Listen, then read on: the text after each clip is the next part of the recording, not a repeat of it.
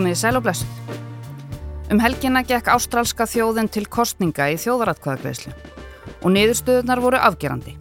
60% ástrála sögðu nei, höfnuðu tilögunni.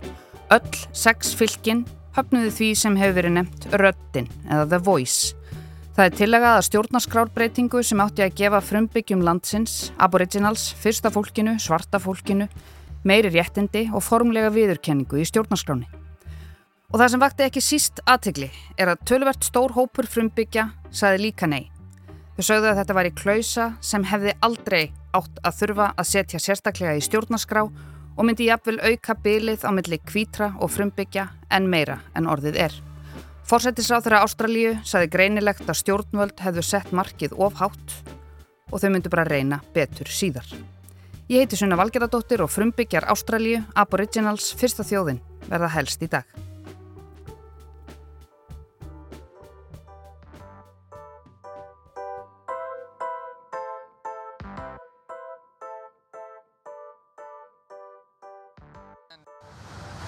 Just watching the waves and uh, Frumbyggjar Ástralíu eru ekki þessir hér.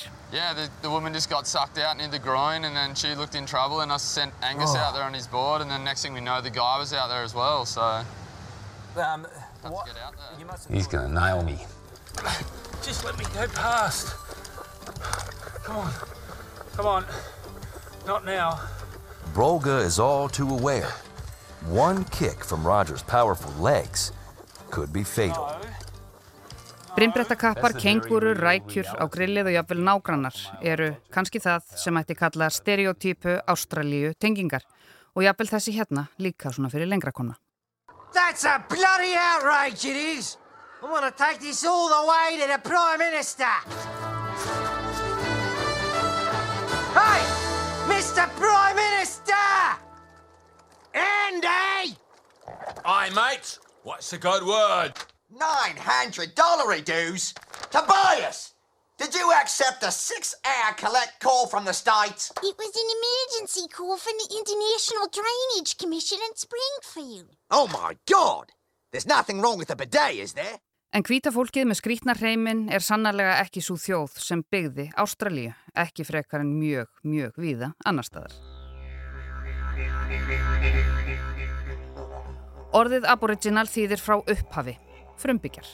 Og það er talið að frumbyggjar Ástralíu hafi komið frá Asíu fyrir um 60.000 árum og eru í dag tæp 4% þjóðarinnar. Menningararfur þeirra er eitt sá elsti sem þekkist í heiminum og sagan þeirra er stórbrotin en eins og svo víða breytist hún í hryllingssögu þegar ákveðin tegund mannskeppnunar mætti á svæðið.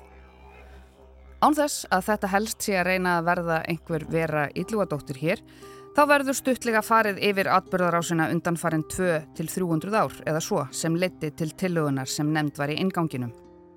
Svona í ljósi sögunar. Um miðbygg átjándu aldar töldu frumbyggjar Ástralíu um hálfa miljón. Þeir töluðu meira en 250 tungumál skiptust í fjölmarkar þjóður á ættbolka með mismunandi menningu, trú og siði.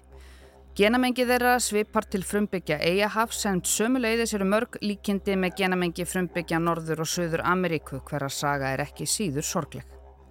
En árið 1788 mættu breytarnir á svæðið með Sir James Cook í brotti fylkingar og þeim fannst tilvalið að stopna fanga nýlendu í Ástralju. Senda erfiða liðið bara hinum megin og hnöttin og þau sem voru fyrir þeim, þeim var bara nánast útrýmt. 200 árum síðar hafði frumbyggjum Ástralíu fækkaður halvri miljón í um 70.000. Þeim var smalaðinn á afmörkuð svæði, þeir voru drefnir, pintaðir, þeir voru notaðir sem hústýr og þrælar. Mennirnir voru drefnir, konunum nöðgað og börnunum var stólið ímist til þess að vera alin upp sem hvít á hvítum heimilum eða sem þrælar. Síðasta svoleiði staðfesta dæmið er frá 1982 og þau sem livðu af gerðu það með því að halda sig fjarrri nýbúunum inni í eðimörkinni án þeirra lífskeiða sem þau höfðu þekkt áður.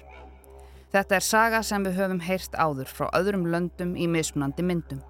Likkjumálið á Grænlandi er eitt dæmi, kerfisbundin, mismunun og ofbeldi gegn sömum í Noregi er annað dæmi, fjöldagrafir frumbyggjabarna í Kanada, þrælahald og þjóðarmorði í bandaríkjónum, ofbeldi, kúun og kynþáttahattur sem er enn afar áþreifanlegt. En undan farin ár hafa sögurnar svo verið að koma upp á yfirborðið meira og meira. Þetta gengur nú ekki lengur, segja þau sem enn ráða. Þetta gekk hérna í gamla daga en svona má bara ekki lengur. I wonder if you'd believe this as a solution to the Aboriginal problem. Herd the worst of the Aborigines into one area, then put a chemical in their water that sent them sterile. In time, there'd be none of them left. Well, that solution has been put forward by none other than one of the Premier's closest friends, West Australian mining magnate Lang Hancock. Those that have been assimilated into you know, earning good living or earning wages amongst the civilised areas, that have been accepted into society and they have accepted society and can handle society, I'd leave them well alone. Fyrir tíu árum 2013 samþykti neðri deild ástrálska þingsins einróma lagafrumvarp sem viðurkennir frumbyggja Ástralíu sem réttmæta fyrstu íbúa landsins. Þetta gerðist nánar tiltekið 13. februar þegar fimm ár voru liðin frá því að fórsættisráðurann þáverandi gaf út formlega afsökunarbeðni til innfætra Ástrala fyrir miskjörðir og ofbeldi kvítamannsins skakvarti. Government business, notice number one, motion offering an apology to Australia's Indigenous peoples. Prime Minister. Mr Speaker, I move that today we honour the Indigenous peoples of this land, the oldest continuing cultures in human history. We reflect on their past mistreatment We reflect in particular on the mistreatment of those who were stolen generations, this blemished chapter in our national history. The time has now come for the nation to turn a new page. A new page in Australia's history by righting the wrongs of the past and so moving forward with confidence to the future. We apologise for the laws and policies of successive parliaments and governments that have inflicted profound grief, suffering and loss. Fórsættisáþrann Kevin Rudd bað fólkið afsökunar fyrir hönd síns kynþáttar fyrir að hafa sett ómanneskjuleg lög gegn frumbyggjum og valdið þeim djúpri sorg, þjáningu og missi. Rudd beindi afsökunarbeðninni sérstaklega til stolnu kynnslóðarinnar þeirra þúsunda barna sem voru reyfin frá fjölskyldum sínum. Þetta var alveg stórt þessi afsökunarbeðni og hún var líka alveg söguleg. Ekki bara vegna eðli hennar heldur áttu hún að vera annað skrefið að þremur í uppbreyst æru ástrálskra frumbyggja. Viðurkenningin á þingjunu þarna um að fólkið væri raunverulega til og hefði raunverulega verið til var fyrsta skrefið og stjórnarskrábreytingin átti að verða þriðja og síðasta skrefið. En ástrálska þjóðin var bara ekki til í það skref. My fellow Australians, at the outset I want to say that while tonight's result is not one that I had hoped for, I absolutely respect the decision of the Australian people and the democratic process that has delivered it. When we reflect on everything happening in the world today, we can all give thanks that here in Australia we make the big decisions peacefully and as equals, with one vote Þetta er fórsættisráþurann og leðtói verkamannaflokksins, Antoni Albanisi, sem hafði í aðdraganda kostningana sagt tillöguna geta saminað Ástrala. En Pítur Dötton, sem hefur settið í hennum ymsu ráþarastólum í Ástralíu gegnum tíðina en leiður nú frjálslindaflokkin sem er flokkur hægra megin við miðju og í stjórnarlandstöðu, hann fagnaði niðurstöðinni. And it's clear obviously that uh, the referendum has not been successful and I think that's good for our country. I want to say a very special thank you tonight to Jacinta, uh, to Warren Mundine, uh, to Karen Little. Og meira en 60% þjóðarinnar verðist vera sammála Dötton hefði til að hann verið samþygt hefði verið stopnuð þing nefnd frumbyggja sem myndi ráðleggja þingmönnum um öll málefni þeim tengdum. En sumir leðtógar frumbyggja þeir harma neyðurstöðuna þeir segja hana gríðarlega afturför í réttindabaróttunni og ætlaði að flagga í halva stöng alla vikuna en aðrir talsmenn frumbyggja hafa fagnað niðurstöðunni og þeirra á meðal er þingkonan Jacinta Price. You know,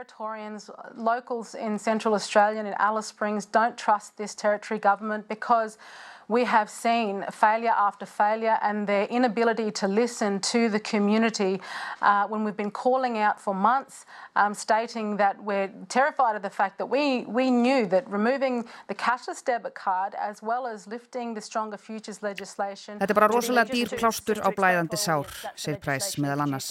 Gjáinn dýfkar bara, en frekar. Það búa um 27 miljón manns í Ástralíu í dag þar að veru frumbyggjarnir um miljón. Langflestir þeirra búa á austurströndinni þar sem bresku fangarnir döldu í den en hlutfallið er lang hæst í norður héræðinu, Northern Territory, þar sem um þriðjungur íbúa er að frumbyggja ættum og Northern Territory feldi tiluguna líka. It's, it's easy to get addiction. People get bored in the, in, in the bush. You're granted if you, you can paint and you can play didgeridoo. You, you, you, you're granted because you can do things. Here you have to create things for people. And um, the majority of the people can't do anything. We have problem with reading and writing and mathematics. And the whole the system of the, the, the white world seems to fail us. And the further you learn about it, you learn about the bureaucracies and, and, and the government departments and people who try to look after you.